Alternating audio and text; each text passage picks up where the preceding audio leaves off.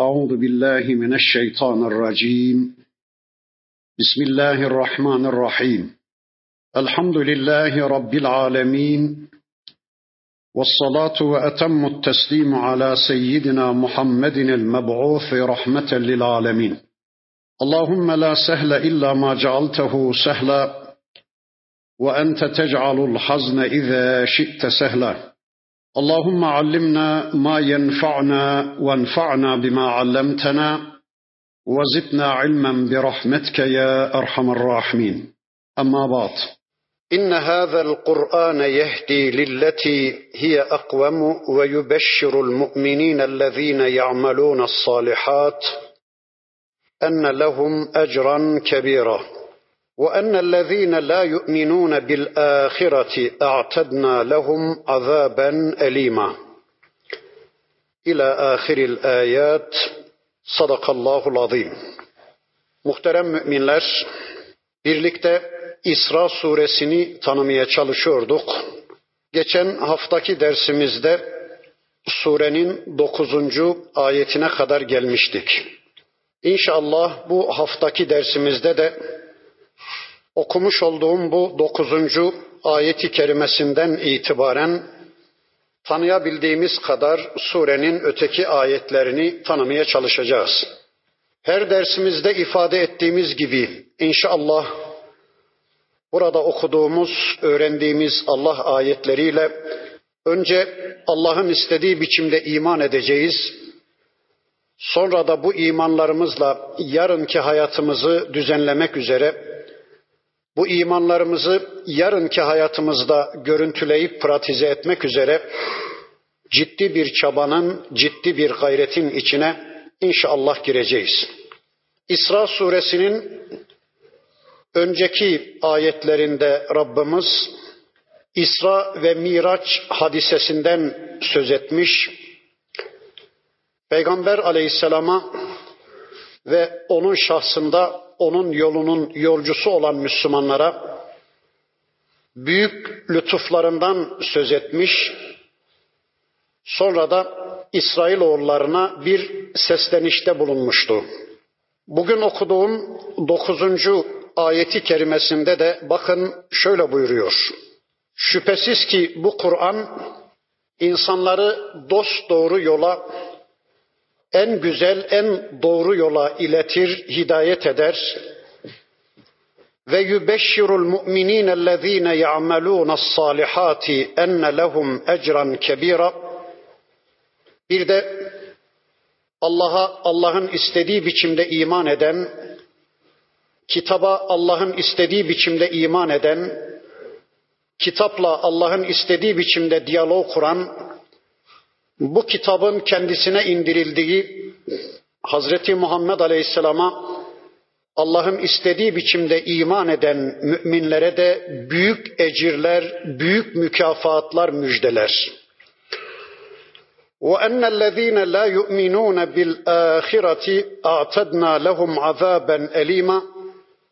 Ama ahirete iman etmeyen, ahireti gündemlerinden düşürerek bir hayat yaşayan, dünyamız güzel olsun da ahiret bizim için önemli değil diye bir hayat yaşayan insanlara da elim bir azap, dayanılmaz bir azap müjdeler.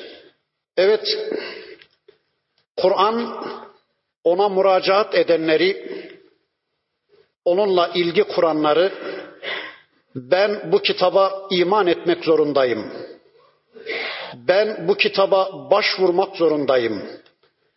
Çünkü bu kitabı tanımadan bir Müslümanlık yaşamam mümkün değildir. Bu kitaptan bağımsız bir biçimde hayatıma program yapmam mümkün değildir. Ben bu kitabı tanımadan cennete gidemem diye kitaba müracaat eden, Kur'an'a başvuran, Kur'an'la Allah'ın istediği biçimde diyalog kuran kullarını, insanları bu kitabıyla Rabbimiz en doğru yola, en güzel yola hidayet eder, ulaştırır. Kur'an'a iman eden bir mümin, Peygamber aleyhisselama iman eden bir mümin, kesinlikle bilesiniz ki Peygamber aleyhisselamın surenin önceki bölümünde anlatıldığı miracına ortaktır. Onun şerefine ve onuruna ortaktır. Kur'an-ı Kerim'i okumak, anlamak ve yaşamak üzere eline alan bir mümin kesinlikle bilsin ki Miraç'tadır. Kur'an'la diyalog kuran bir mümin, Kur'an'ı öğrenmeye çalışan bir mümin kesinlikle bilsin ki Sidrenin ötesinde Cenab-ı Hakk'ın Peygamber aleyhisselama konuşmasının bir benzerine şahit oluyor. O o anda Allah'la konuşuyor, Allah'ı dinliyor, Allah'ın kelam sıfatına mazhar oluyor demektir. Namaz kılan bir mümin kesinlikle bilsin ki o anda Miraç'tadır. Namaz kılan bir mümin namazında okuduğu Kur'an'la kesinlikle bilsin ki o anda Allah'la konuşuyor. Tıpkı Sidre'nin ötesinde Peygamber Aleyhisselam'ın Allah'ı dinlediği gibi o mümin Allah'ı dinliyor demektir. Çünkü Allah'a onun kitabından daha çok yaklaştırıcı yeryüzünde hiçbir şey yoktur. Bir Müslümanı Allah'a en çok yaklaştıran Allah'ın kelamıdır. Aracısız bir biçimde telsizsiz, telgrafsız, telefonsuz, mektupsuz o anda direkt Allah'la konuşuyor ya da Allah'ın konuşmalarını dinliyor demektir. Rabbimiz Musa aleyhisselam dönemindeki Tevrat'ını, Davut aleyhisselam dönemindeki Zebur'unu, İsa aleyhisselam dönemindeki İncil'ini ve Muhammed aleyhisselam döneminden kıyamete kadarki dönemde Kur'an'ını insanlık için hidayet rehberi kılmış, insanlığı hidayete ulaştırma aracı kılmıştır. Rahmeti ve merhameti sonsuz olan Rabbimiz yeryüzünü bir an bile vahiysiz bırakmamıştır. İnsanlar o vahiye, o kitaba layık mı değil mi? Gönderdiği vahyinin kıymetini bilecekler mi, bilmeyecekler mi? Zerre kadar bunu problem etmeden Rabbimiz her bir dönem insanlığa vahyini ulaştırmış, yeryüzünü bir an bile vahiysiz bırakmamıştır. Eğer Rabbimiz bize kendi bilgilerini aktarmasaydı, bize böyle bir kitap göndermeseydi şu anda bildiklerimizin hiçbirini bilemeyecek, şu anda hidayeti bulamayacak, doğruya ulaşamayacaktık ve Bakara suresinin beyanıyla kan dökücülük ve ifsat özelliğimizi bırakıp doğruya, hidayete yönelme imkanı bulamayacaktık. Demek ki hidayete ulaşmanın yolu, doğruya ulaşmanın reçetesi Kur'an'dan geçmektedir. Öyleyse ey Müslümanlar, ey şu anda zelil ve perişan bir biçimde kıvranan, çare arayan Müslümanlar, sağa sola başvuran Müslümanlar, acaba bu zelil hayattan nasıl kurtuluruz? Acaba tarihteki o aziz ve şerefli günlerimize nasıl kavuşuruz diye sağa sola müracaat edip çareler arayan Müslümanlar. Unutmayın ki beklediğiniz çare, beklediğiniz zafer, beklediğiniz kurtuluş işte Allah'ın gönderdiği bu kitabın sayfaları arasındadır. Öyleyse ey Müslümanlar bir düşünsenize peygamberinizin risaletinden Peygamberinizin vefatından henüz yüz yıl bir asır bile geçmeden Sibirya'dan Kafkasya'ya, Çin Seddi'nden Atlas Okyanusu'na, Asya'ya ve Afrika'ya kadar Allah'ın dini yayılmamış mıydı? Allah dinini egemen kılmamış mıydı? Unutmayın ki o günlerde lütuf Allah'tandı, destek Allah'tandı, yeryüzünde aziz ve şerefli bir toplum olmuştunuz. Kur'an'dan ellerinizi çekmeye başladığınız, Peygamber aleyhisselamdan hicret etmeye başladığınız günlerden itibaren Allah'ın kitabını ve Peygamber aleyhisselamın sünnetini bırakıp demokratik ve layık bir sisteme geçiş yaptığınız andan itibaren şu zelil hayatı soluklamaya başladınız. Öyleyse ey Müslümanlar gelin terk ettiğiniz kitabınıza tekrar dönün. Gelin küstüğünüz peygamberinizle tekrar diyalog kurun kitabınızı ve peygamberinizin sünnetini elinize alın. Kitap ve peygamber eşliğinde bir hayata yönelin. Eski günlerinizi ben yeniden size kazandırayım diyor Rabbimiz. Ve ennellezine la yu'minun bil ahireti a'tedna lehum azaben elima. Şunu kesinlikle unutmayın ki ahirete iman etmeyen, yarını için hesap kitap yapmayan kimseler hakkında elem verici, dayanılmaz bir azap hazırladık. Onun içindir ki bu özelliğinden dolayıdır ki bakın Rabbimiz insanın karakteristik bir özelliğine şöylece dikkat çekiyor. وَيَدْعُ الْاِنْسَانُ بِالشَّرِّ دُعَاءَهُ بِالْخَيْرِ وَكَانَ الْاِنْسَانُ عَجُولًا İnsan hayra dua eder gibi şerre dua eder. İnsan hayrına davetiye çıkarırmış gibi şerrine davetiye çıkarır. Ve kânel insanu acula çünkü insan çok aceleci yaratılmıştır. İnsanın fıtratında acelecilik vardır. Fıtri bir özelliğidir bu. Ama bu özellik İslam'a kanalize edilirse, hayra kanalize edilirse güzeldir. Lakin İslam'a kanalize edilmediği zaman bu acelecilik özelliği onun başına gerçekten büyük işler açar. İnsan hayra dua edermiş gibi şerre de dua ediyor. Nasıl anlayacağız bunu? Yani kendisi için hayır istiyormuş gibi şerri ister, acele bir biçimde şerri ister. Önceki peygamberlerin toplumlarına kulak verdiğimiz zaman şunu görüyoruz. Diyorlardı ki ey peygamber gerçekten sen Allah'ın elçisiysen gerçekten bu dediklerin Allah'a aitse o zaman hadi üstümüze bir azap gazap gönder de görelim. Gök kubbeyi başımıza indir de görelim. Şu güneşi yerinden söküp başımıza indiriver. Şu yıldızları yerinden söküp başımıza düşürüver de görelim. Önceki peygamberlerin toplumları onlara böyle demişlerdi. Bakın bu ayeti kerime Mekke'de geldiğine göre Mekke müşrikleri de Peygamber aleyhisselama şöyle diyorlardı. Ey Muhammed gerçekten sen Allah'ın elçisiysen gerçekten bu dediklerin doğru ise hadi üzerimize bir taş yağdır da görelim. İnsan sanki hayra dua edermiş gibi şerre dua ediyor.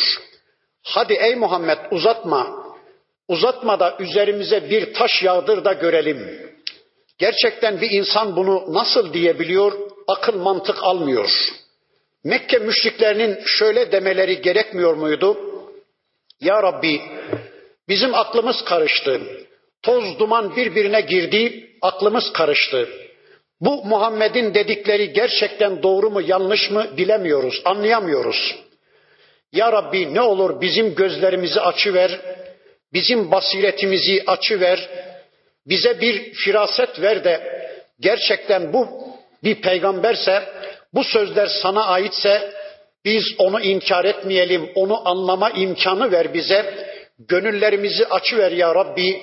Bize bir basiret ver, bize bir firaset ver de gerçekten bu peygamber senin elçinse, onun söylediği sözler sana aitse biz onu inkar etmeyelim, onun getirdiği hidayet hediyesinden mahrum kalmayalım diyecekleri yerde anlayışımızı kuvvetlendiriver de biz onun sözlerini kavrayalım ya Rabbi diye Allah'a dua edecekleri yerde bakın diyorlar ki ey Muhammed gerçekten dediklerin doğru ise hadi üzerimize bir taş yağdır da görelim.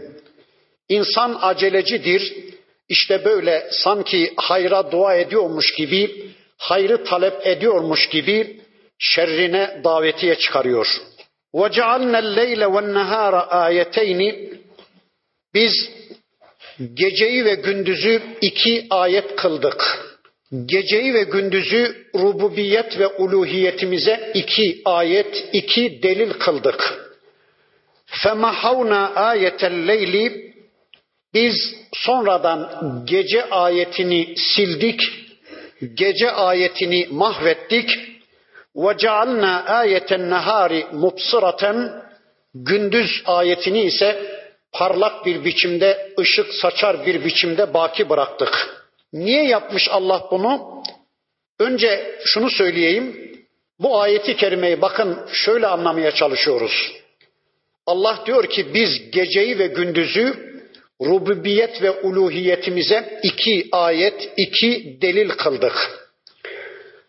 Gündüzün alameti olarak güneşi yaratmış Allah, gecenin alameti olarak da ayı yaratmış. Sonra Rabbimiz gecenin ayetini, gecenin alameti olan ayı silmiş, yani üzerini örtü vermiş, ışığını alıvermiş. İşte şu anda geceleyin aydan dünyamıza bir kısım ışık gelir ama bilelim ki ayın kendisinden değildir o ışık. Allah söndürmüş ayı. Ay güneşten aldığı ışığı dünyamıza yansıtmaktadır. İşte diyor ki Allah biz gecenin alameti olan ayı sildik.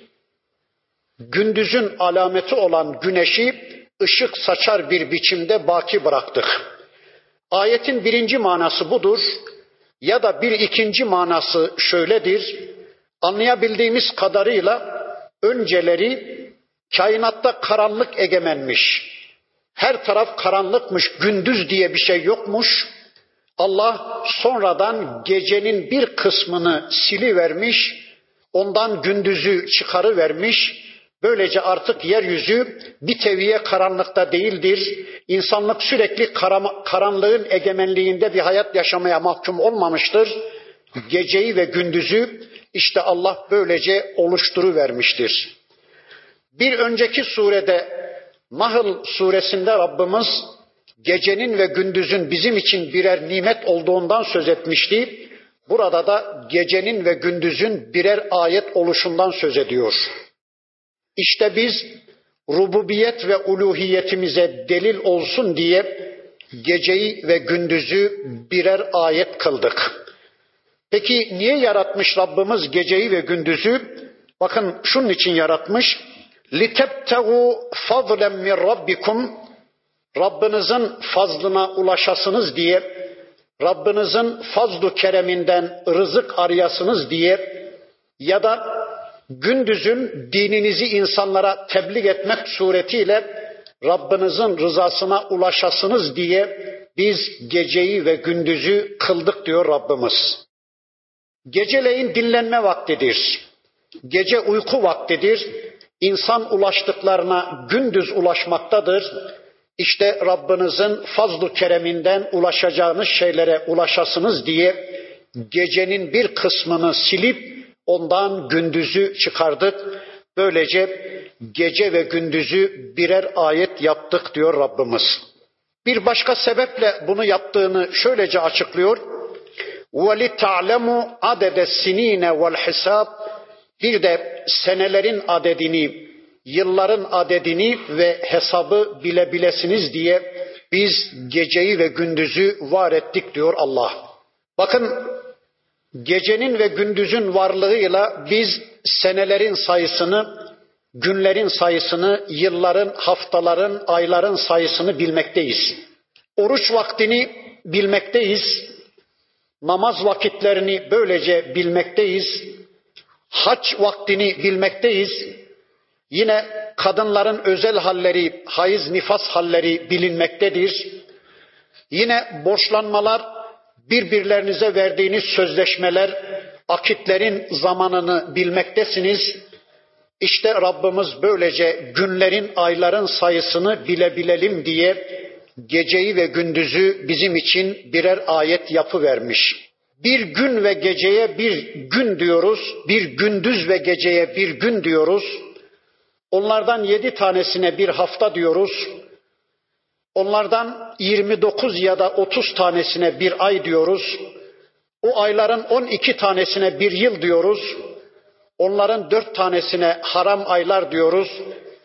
İşte zamanı iyi tespit edelim diye ayların, günlerin, yılların sayısını, hesabını bilebilelim diye Allah güneşi ve ayı yaratmış, gündüzü ve geceyi bizim için birer ayet kılı vermiş.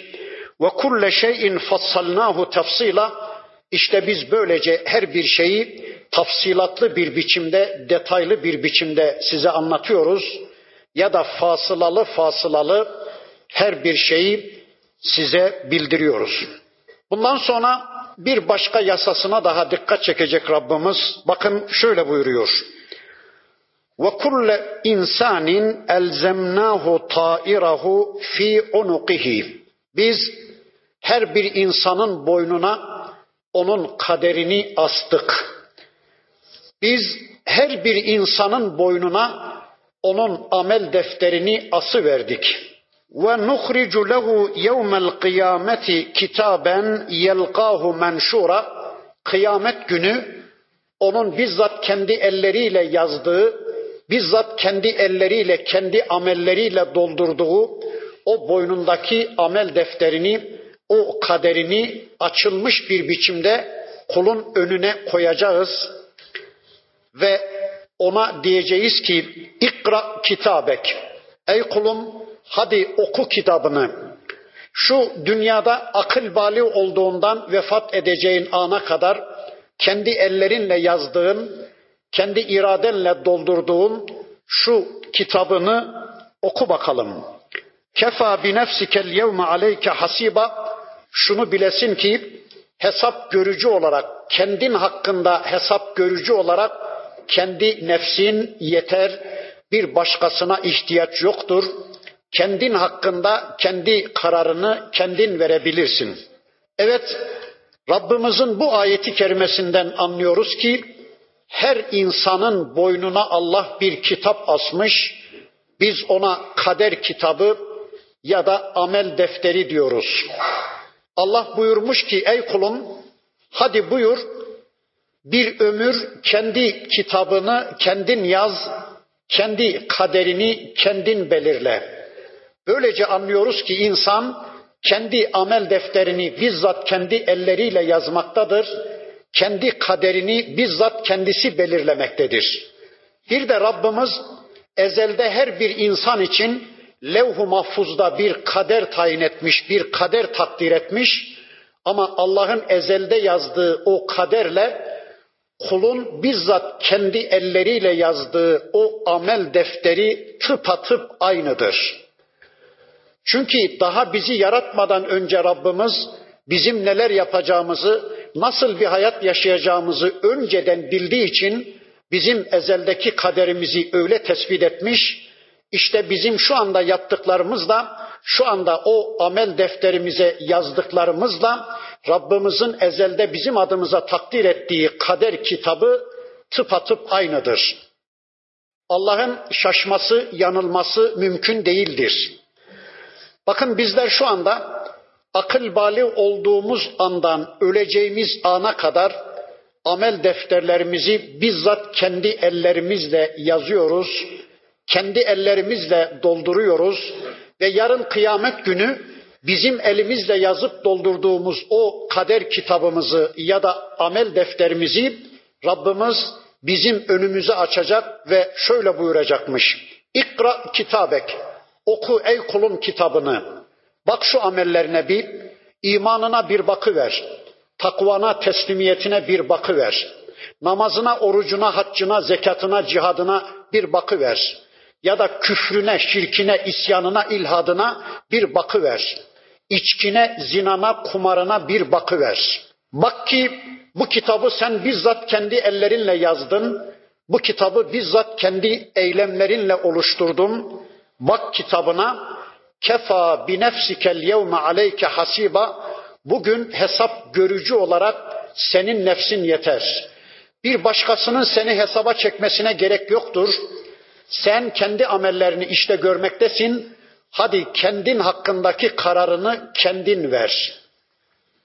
İnsan şöyle bir, baca, bir bakacakmış o kitabına ne küçük günahlar kalmış ne büyük günahlar ne küçük amelleri kalmış ne büyük amelleri ne gizlide işledikleri kalmış ne aleni insanların içinde işledikleri bütün amelleri o defterinde yazılı.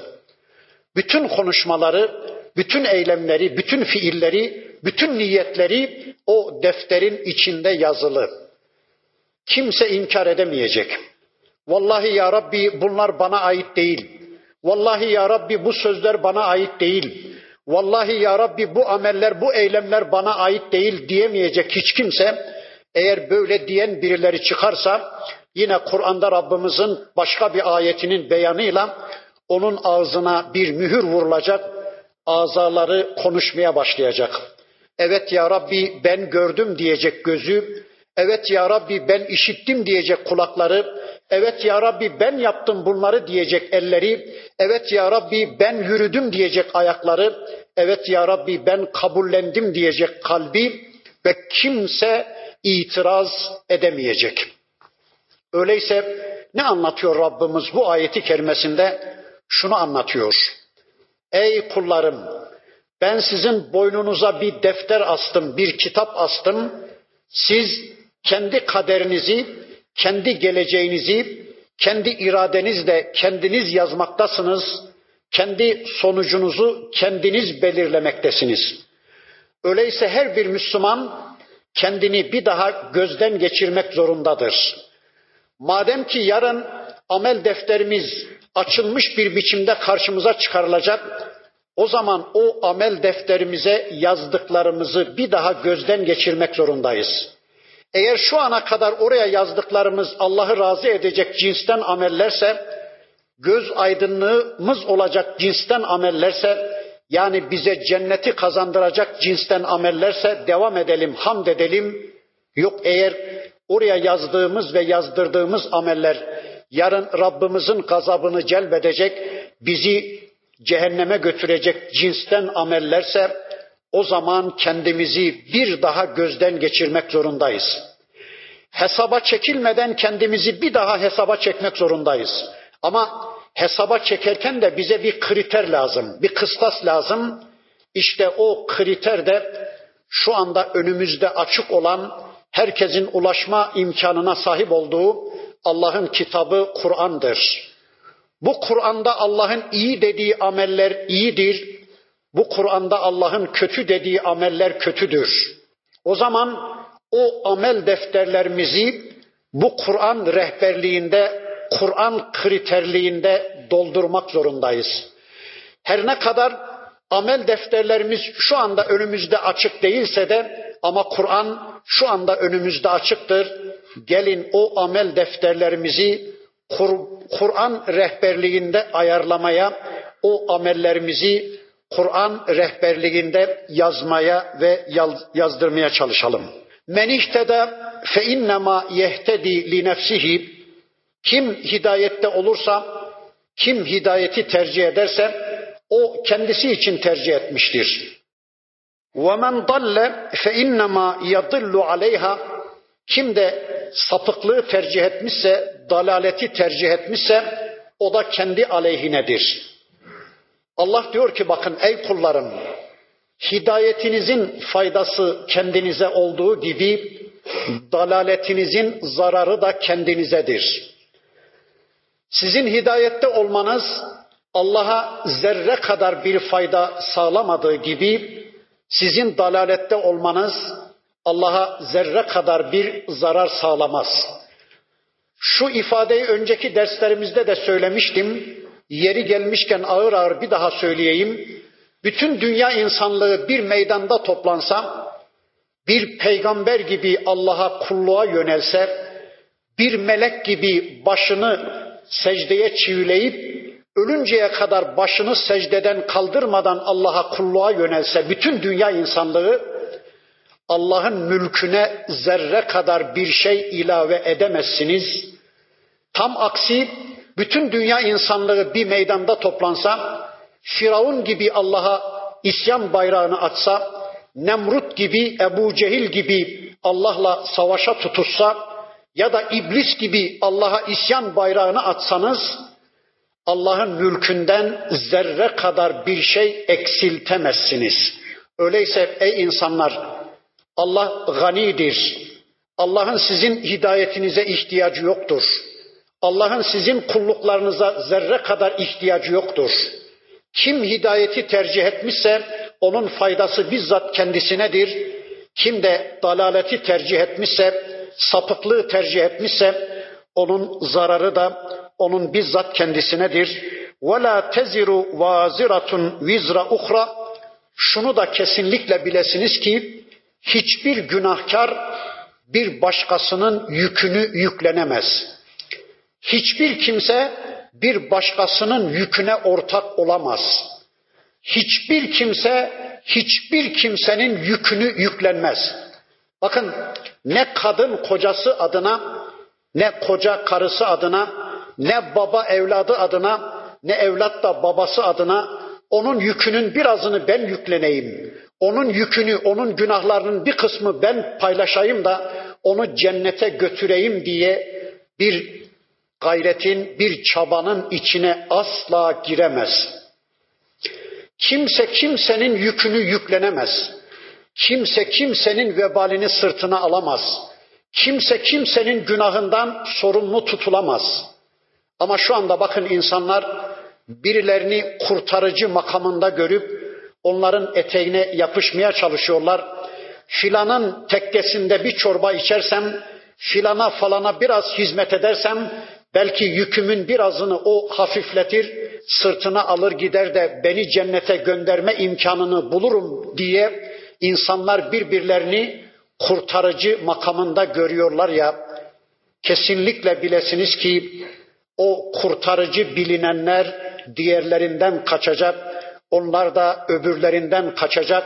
Aman bunun derdi de beni bulmasın diye, aman bundan dolayı da bana bir dosya açılmasın diye, aman bunun hesabı, bunun faturası da bana kesilmesin diye herkes birbirinden kaçacak. Çünkü kimse kimsenin yükünü yüklenemez. Bakın bu ayeti kerime real karnasyon diyorlardı değil mi? Bir saçmalık vardı. Onu da reddediyor. Ne diyorlardı? ecdadın ruhları ölmemiştir. Yeni nesillere intikal etmiştir. Yani bir adam ölmüşse cesedi ölmüştür. Yeni dünyaya gelen bir çocukla onun ruhu tekrar dünyaya dönmüştür. Yani şu anda benim taşıdığım ruh o felsefeye göre bana ait bir ruh değil. Benden önce binlerce ecdadım, milyonlarca ecdadım bu ruhu taşımış, o ölmüş berikine, o ölmüş berikine intikal ede ede en son o ruh bana gelmiş. Eğer ben bu felsefeye inanan bir insan olsam otomatikman şu yanlışa gitmek zorundayım. Şu ruh şu anda bana ait bir ruh değil. Her şeyiyle benim olan bir ruh değil. Çünkü benden önce binlerce insan bu ruhu taşımış. Yani şimdi ben Allah'ı razı edecek kulluk, kulluklar mı işleyeyim?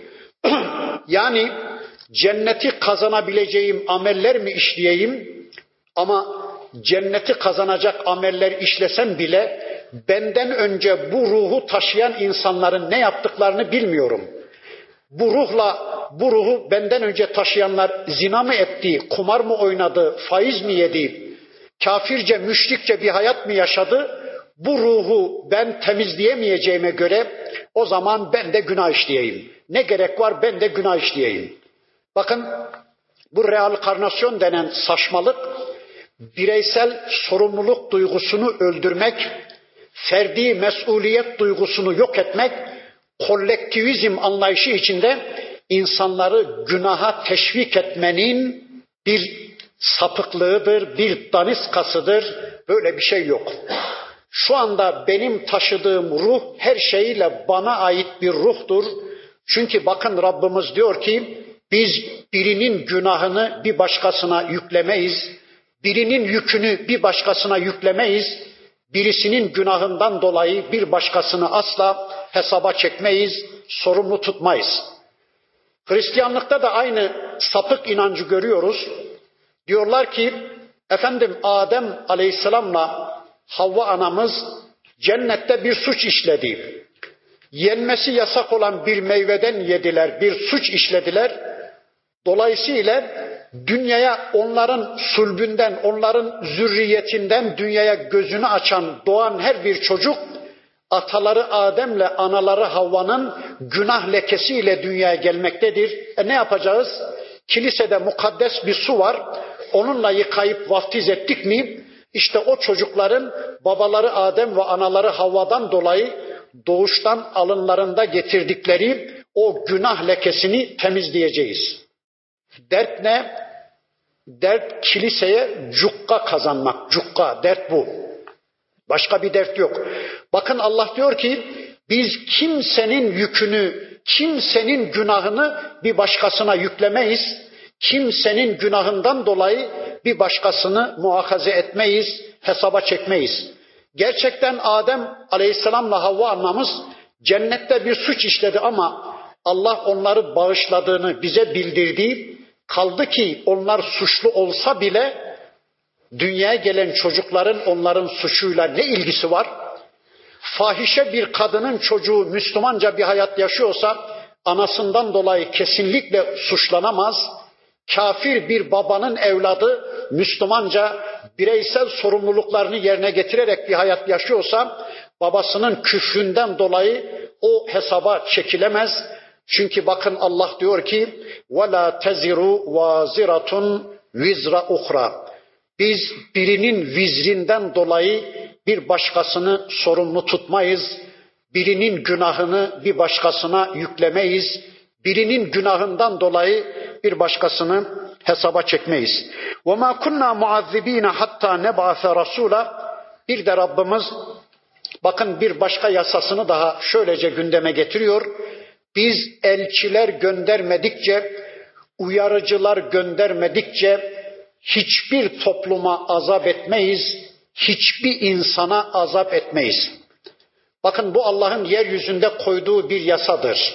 Önce elçilerini gönderir, önce peygamberlerini gönderir, kitaplarını gönderir, ayetlerini gönderir.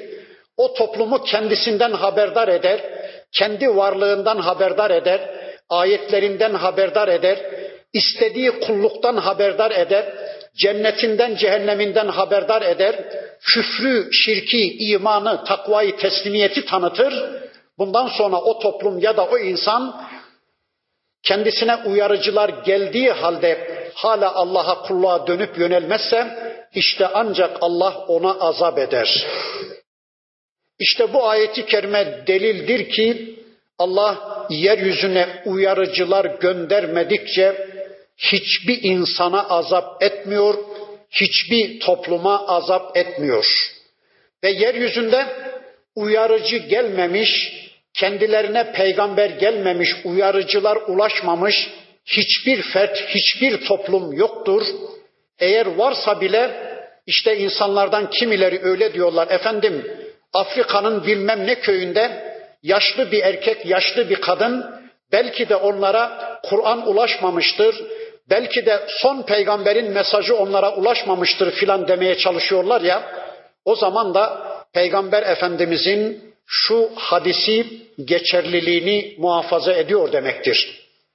Diyor ki peygamberimiz dört kişi yarın Allah'a ihtiyaçta bulunacak.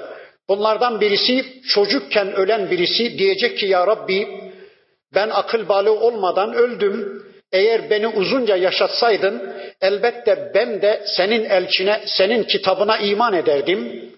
İkincisi bunak birisi ya da mecnun, aklı olmayan birisi. Ya Rabbi sen bir din göndermiştin, sen bir peygamber göndermiştin ama senin dinin, senin elçin geldiği zaman insanlar benim boynuma ip takıp sokaklarda gezdiriyorlardı. Yani kitabını ve peygamberini anlayabilecek aklım, şuurum yoktu. Eğer beni mecnun değil de akıllı birisi yaratsaydın elbette ben de iman ederdim. Üçüncüsü fetret döneminde yaşayan insanlar. Bakın İsa aleyhisselamla peygamber aleyhisselam arasında 6-700 yıllık bir süre geçmiş. O dönemde karanlık bir dönem var. İncil tahrif olmuş. Tevrat'ın işi bitmiş. O dönemde yaşayan insan İncil'in de Tevrat'ın da orijinaline ulaşamadığı için belki hak mesajı anlayamamıştır. İşte bu döneme fetret dönemi denir. O dönemde yaşayan insan da Allah'a böyle bir ihtiyaçta bulunacak. Hadislerde farklı kesimler anlatılır. Bir tanesini daha söyleyeyim. O da sağır bir kişi diyor Allah'ın Resulü. Ya Rabbi ben mesajı işitemedim, duyamadım. Benim işitme özelliğim yoktu diye Allah'a delil getirecek. Allah buyuracak ki ey kullarım şimdi beni gördünüz. Şimdi şu anda bana iman ediyor musunuz? Ediyoruz ya Rabbi. Peki benim dediğim her şeyi yapar mısınız? Yaparız ya Rabbi. O zaman hadi şu cehenneme atın kendinizi ben emrediyorum diyecek. İnsanlardan bir kısmı o itiraz sahiplerinden bir kısmı Allah emretti diye süratlice kendilerini cehenneme atacak. Meleklerin kucaklarında onlar cennete ulaştırılacak. Bir kısmı o cehenneme atamayacak kendilerini geri dönüp diyecekler ki ya Rabbi biz o cehennemden korktuğumuz için sana ihtiyaçta bulunuyor, delil getiriyoruz. Sen de bizi o cehenneme girmeye zorluyorsun. Biz yapamadık, beceremedik diyecekler. Allah da buyuracak ki ey kullarım dünyada benim peygamberlerim gıyaben insanları bana imana çağırmışlardı. Şu anda bizzat beni gördüğünüz halde benim sözümü tutmadınız. Dünyada gıyaben bana hiç iman etmeyecek, gıyaben benim sözümü hiç tutmayacaktınız diyecek. Böylece geri kalanlar cehenneme ama süratlice Allah emretti diye cehenneme kendilerini atanlar meleklerin kucağında cennete ulaştırılacak. İşte böylece öbür tarafta birkaç dakika içinde bir imtihan daha yaşanacak. Eğer birilerine hidayet ulaşmadı, birilerine mesaj ulaşmadı diyorsanız işte öbür tarafta Allah böyle bir imtihandan geçiri verecek. İzâ eradna en nuhlike qaryeten biz bir köyü, bir kasabayı helak etmeyi murad ettiğimiz zaman emerna mutrafiha biz o köyün, o kasabanın mütraflarını iş başına getiririz. Fefeseku fiha onlar orada fıskı fucur içinde bir hayat yaşarlar. Bize isyan içinde bir hayat yaşarlar da fehakka aleyhel kavlu o köy halkına, o kasaba, o şehir halkına bizim helak sözümüz vacip olur, gerçek olur. Fedemmernaha tedmira ve biz oranın altını üstüne getiriveririz. Bakın burada bir başka yasasını anlatıyor Rabbimiz. O da şudur. Bir şehir halkını, bir köy halkını, bir kasaba halkını işledikleri günahlar sebebiyle helak etmeyi, coğrafyadan silmeyi, yeryüzünden yok etmeyi dilediğimiz zaman o köyün, o şehrin ileri gelen mütraflarını yani ekonomik ve siyasal güç sahiplerini, yöneticilerini, ekonomik, siyasal ve askeri güç sahiplerini iktidara getiririz. Onlara fırsat veririz. Onlar da orada bozgunculuk yaparlar, düzen bozarlar. Fıskı fucur içinde bir hayat yaşarlar ki zaten onların özelliği budur. Bakın Kur'an'da mele ve mütraf diye iki kavram var. Bunlar siyasal iktidar sahipleri, ekonomik ve siyasal güç sahipleri, toplumun kaymağını yiyen, toplumda şımarık zenginler, şımarık güç kuvvet sahipleri ki tarih bunun şahididir. Bütün peygamberlerin karşısına ilk defa bunlar dikilmiştir. Tarihte her bir peygamberin karşısına ilk defa çıkan o peygamberin davetini yok etmek isteyen ilk defa bunlar olmuştur. Niye? Çünkü bunlar kesin bilirler ki peygamber insanların insanlara Rableşmesini önlemek için gelmektedir. Peygamber bir insanın bir başka insana egemenlik kurmasını bitirmek için gelmektedir. Peygamber bütün insanlar eşit bir biçimde Allah'a kul olsunlar diye gelmektedir. Dolayısıyla bu adamlar kesin biliyorlar ki peygamberin daveti o toplumda maya tuttuğu zaman kendi imkanları ellerinden alınacak, Rablıkları bitecek, tanrılıkları bitecek, egemenlikleri bitecek. İşte onun için bu mele ve mütraf grubu her bir peygamberin karşısına tarihte ilk çıkanlar olmuş. Bugün de aynen öyledir. İşte Allah diyor ki o toplumun başına zalimleri, zılgıtları, zorbaları musallat ederiz de zaten o toplum elleriyle işledikleri sebebiyle helakı hak etmiştir. Bir de helaklerini hızlandırmak için o zalimleri onların başına musallat ederiz de sonra o toplum helaki hak eder ve biz de o toplumu tarihten sileriz, coğrafyadan sileriz. Men kana yuridul acilete accelna lehu fiha ma. Kim acileyi isterse acile peşin demektir. O da dünya demektir. Ahiret de veresiye demektir. Bakın biz ahiretle alakalı yaptığımız amellerimizin neticesini bu dünyada göremiyoruz değil mi? Öbür tarafta göreceğiz ama acile adına yani dünya adına yaptığımız çalışmaların, yaptığımız işlerin neticesini bu dünyada görmekteyiz. İşte dünyaya acile denir. Bakın Allah diyor ki men kana yuridul acilete kim acileyi yani dünyayı isterse accelna lehu fiha ma neşa'u liman nuridu. Dilediklerimize biz de o dünyalıkları gönderme noktasında acele ederiz. Dünya ve dünyalıkları isteyen kimseye istediği dünyalıkları gönderme konusunda biz de acele ederiz dilediğimize dilediğimiz miktar veririz ama ثُمَّ جَعَلْنَا lehu cehennem sonra onun varıp gideceği yer cehennemdir. Yaslaha mezmumen madhura rahmetten kovulmuş, zemmedilmiş olarak o kişiyi cehenneme sallayı veririz. Cehenneme yaslayı veririz. İkinci ayeti de okuyayım. İkisi üzerinde inşallah birlikte konuşalım. وَمَنْ اَرَادَ الْآخِرَةَ Kim de ahireti isterse birinci planda ahireti hedef bilir, kıble bilirse ya Rabbi dünyam nasıl olsa geçer. Aç mezarı yok. bir dilim ekmeğim, bir yudum suyum varsa dünya nasıl olsa geçer.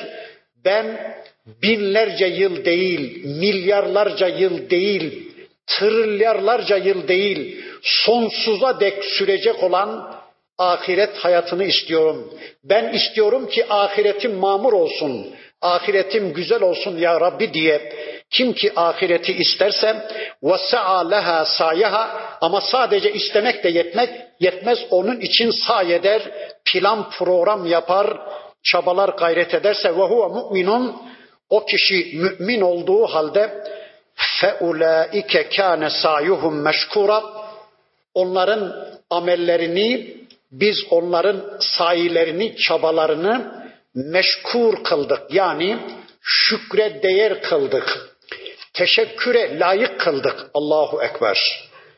O kadar güzel bir ifade ki biz böyle yaşayan müminlerin amellerini, mesailerini şükre değer kıldık, teşekküre değer kıldık. Yani onlara teşekkür etmeyi biz kendimize vacip kıldık. Ben onlara teşekkür etmek zorundayım. Ben onlara şükretmek zorundayım. Onların amelleri, onların hayatları, onların yaşantıları şükre değer bulundu. Teşekküre layık görüldü. Allahu Ekber.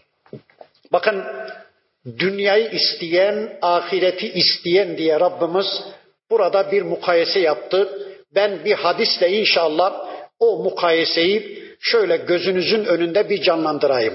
Bakın Tirmizi'de ve İbn Mace'de Ebu Hureyre Efendimizin bize aktardığı Peygamber Aleyhisselam'ın bir hadisi var. Bu ayeti kerimeyi en güzel anlatan bir hadis. Bakın diyor ki Peygamberimiz men kâneti dünya hemmehu kim dünyayı hem haline, kıble haline getirirse birinci planda dünyayı kazanmayı hedef haline getirirse men kâneti dünya hemmehu ferrakallahu emrahu Allah onun işlerini dağıtı verir. Allah onun iki yakasını bir araya getirmez. Ve ceale fakrahu beyne ayneyhi o kişinin iki gözünün, iki kaşının arasına Allah öyle bir fakirlik yazar ki adam ölünceye kadar kendisini fakir hisseder. Allahu Ekber. Devam ediyor hadis.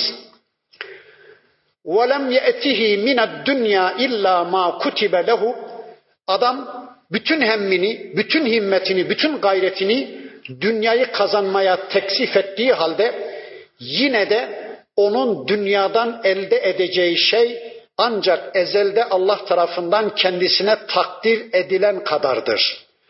Yani bütün gayretini, bütün planını, programını dünyaya teksif etti diye fazla bir şey kazanmayacak. Ezelde yazılanın ötesinde yine de o hiçbir dünyalığa ulaşamaz. Birinci bölüm bu. İkinci bölüm وَمَنْ كَانَتِ الْآخِرَةُ نِيَّتَهُ Kimin niyeti de ahiret olursa birinci planda ben ahireti kazanmalıyım diye kafasına kor yani ahireti kıble edinirse cema Allahu emrahu Allah onun işlerini cem eder, onun iki yakasını bir araya getirir. Ve ceale gınahu fi kalbihi Allah o kişinin kalbine öyle bir zenginlik duygusu yerleştirir ki adam ölünceye kadar kendisini zengin hisseder. Biraz sonra inşallah söyleyeceğim. Hadisin devamı çok daha enteresan. Ve etethu dünya ve hiye ragimetun ve dünya da boynunu bükmüş olarak o kişiye teslim olur. Anladınız mı? Bakın bir misalle ben bu hadisi şerh edeyim. Farz edin ki benim elimde bir el feneri var. Karşımdaki Hasan'a tutuyorum. Benim el fenerimden Hasan'a doğru bir ışık hüzmesi gider. Hasan'ın da tam arkasına bir gölge düşer. Işığın gölgesi, Hasan'ın gölgesi. O gölgeyi dünya olarak anlayın, ışığı da ahiret olarak anlayın. Ben diyorum ki, peygamberim diyor ki, Allah diyor ki, ey Müslüman ışığa doğru dön. Ahireti kıble olarak belirle kurtulursun.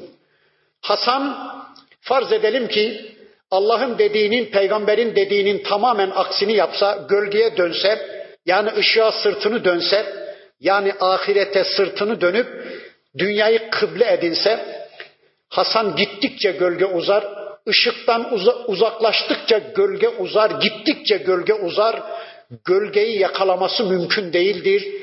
Gölgenin içinde, dünyanın içinde Allah korusun mahvolur, kahrolur gider.'' Gölgeyi yakalaması mümkün değil. Işıktan uzaklaştıkça gölge uzar. Bir çıta belirlemişti. Bir milyar dedi ona ulaştı. Arkasından iki milyar yine ulaştı. Arkasından yüz milyar ona ulaştı. Arkasından bir trilyon dedi ulaştı. Arkasından bitmez ki, dünya bitmez ki. O gittikçe gölge uzar, gölgeyi yakalaması mümkün değil. Ama Hasan Allah'ın dediğini yapsa, Peygamber aleyhisselamın dediğini yapsa, gölgeye sırtını dönse yani dünyaya sırtını dönüp de ahireti kıble edinse, ışığa doğru dönse hem yolu aydınlanacak hem ahireti kazanacak hem de dünya onu terk etmiyor. Bakın o ışığa doğru geldikçe gölge de ona boynunu bükmüş olarak teslim olarak onunla birlikte geliyor. Yani dünyayı kazanmak için ayrıca bir gayret sarf etmesine gerek yok. Dünya yani gölge onunla birlikte geliyor. İşte peygamberim diyor ki dünya boynunu bükmüş olarak o kişiye teslim oluyor. Bakın dünyayı hedefleyen bir adamın iki kaşının arasına Allah öyle bir fakirlik yazar ki adam ölünceye kadar kendini fakir hisseder. Ama ahireti planlayan, ahireti kıble edinen bir adamın kalbine Allah öyle bir ıstığna duygusu, öyle bir zenginlik duygusu koyar ki Adam ölünceye kadar kendini zengin hisseder. Ben zenginliği ve fakirliği şöyle bir örnekle anlatayım bakın. Zenginlik ya da fakirlik bir insanın hedeflemesine göre değişen bir olgudur. Mesela ben beş etli ekmek yemeyi hedeflemişsem karşıma üç etli ekmek çıktığı zaman ben açım değil mi? Niye? Hedefimde beş vardı, üçe ancak ulaşabildim. Ben açım. Ama ben bir etlekmek yemeyi hedeflemişsem karşıma da bir etlekmek çıkmışsa ben tokum. Niye? E zaten hedefimde bir etlekmek vardı. Ben ona ulaştım. Bakın bir trilyonu hedefleyen bir adamın cebinde 950 milyarı olsa o adam açtır ve fakirdir. Niye? E yok ya gariban ne yapsın? Hedefinde bir trilyon vardı. 950 milyarcık bir parası var cebinde. Fakir adam. Ama bir milyarı hedefleyen bir adamın cebinde bir milyar varsa o adam zengindir. İşte zenginliği, fakirliği böyle anlayın. Hani öyle diyorlar ya aman çıtayı büyük tutalım. Aman hedefi büyütelim. Aman büyük düşünelim. Ya bu dünyada en büyük düşünme, en büyük çıta, en büyük hedef cennettir ya. Cennetin dışında başka hedef olabilir mi? Ama insanlar maalesef işte böyle yapmaya çalışıyorlar. Bakın Allah diyor ki kullen numiddu haulai ve haulai min atai rabbik biz onlara da bunlara da dünyalıkları veririz. Yani cenneti hedefleyene de dünyalık veririz. Dünyayı planlayan kişiye, dünyayı hedefleyen kişiye de dünyalık veririz. Onlara da bunlara da dünyalıklarımızı sunarız. وَمَا كَانَ عَطَاءُ رَبِّكَ مَحْدُورًا Çünkü Rabbin atalarına sınır yoktur. Rabbin karşılıksız ihsanlarına yasak yoktur. Allah mümin kafir ayrımı yapmadan işte dünyalı herkese veri vermiş. Ama müminlere öbür tarafta vaat ettiği ataları, karşılıksız lütufları sayısızdır, hesapsızdır. Şu hadisi daha önce okudum. Yeri gelmişken bir daha söyleyeyim. Bir insan bir günah işlemeyi niyetlense, sonradan yapamadığı için vazgeçse ya da yapmaktan vazgeçiverse bir sevap yazılıyor. Bakın günahı hedefledi, günahı niyet etti, sonradan ya yapamadı ya da yapmadı. Bir sevap yazılıyor. Bir günahı işlemeyi niyetlenir de o günahı gerçekleştirirse yine bir tek günah yazılıyor. Ama bir iyiliği, bir hayrı niyet eder de yapamazsa ya da yapmaktan vazgeçerse sırf niyetinden dolayı bir sevap yazılıyor. Ama o iyiliği niyet ettiği, o iyiliği yapmaya muvaffak olursa bazen bire on, bazen bire yedi yüz, bazen de ez'afen mudaafe kat kat mükafat yazılıyor. Öyle değil mi? Bir geceye bin aylık mükafat vermiyor mu Allah? Kadir gecesi bin aydan daha hayırlı. Bin ayda otuz bin gece eder. Bir geceye otuz bin gecelik sevap. Allahu Ekber. Bir geceye otuz bin gecelik sevap. Bir de hadis okuyayım burada. Diyor ki Peygamber aleyhisselam sizden biriniz bir mümin kardeşine bir tek hurma verse, bir tek hurma infak etse Allah ona sağ elini uzatır. Allahu Ekber. Allah sağ elini uzatıyor o hurmayı, sağ eline alıyor. Diyor ki Peygamberimiz sizin tayınızı ya da buzağınızı gözünüzü üstünden eksik etmeksizin büyük bir ihtimamla büyüttüğünüz gibi Allah o sağ eline aldığı sizin verdiğiniz bir tek hurmayı öyle büyütür, öyle büyütür, öyle büyütür ki nihayet Uhud dağı kadar olur ve kıyamet günü sizin ona en çok muhtaç olduğunuz bir günde Allah onu size takdim eder. Allahu Ekber. Anladınız mı Allah'ın atalarını? Allah'ın ataları gerçekten çok büyüktür Kaldığımız yerden surenin öteki ayetlerini tanıyabilmek için tekrar bir araya gelmek üzere Allah'a emanet olun. سبحانك اللهم وبحمدك أشهد أن لا إله إلا أنت أستغفرك وأتوب إليك والحمد لله رب العالمين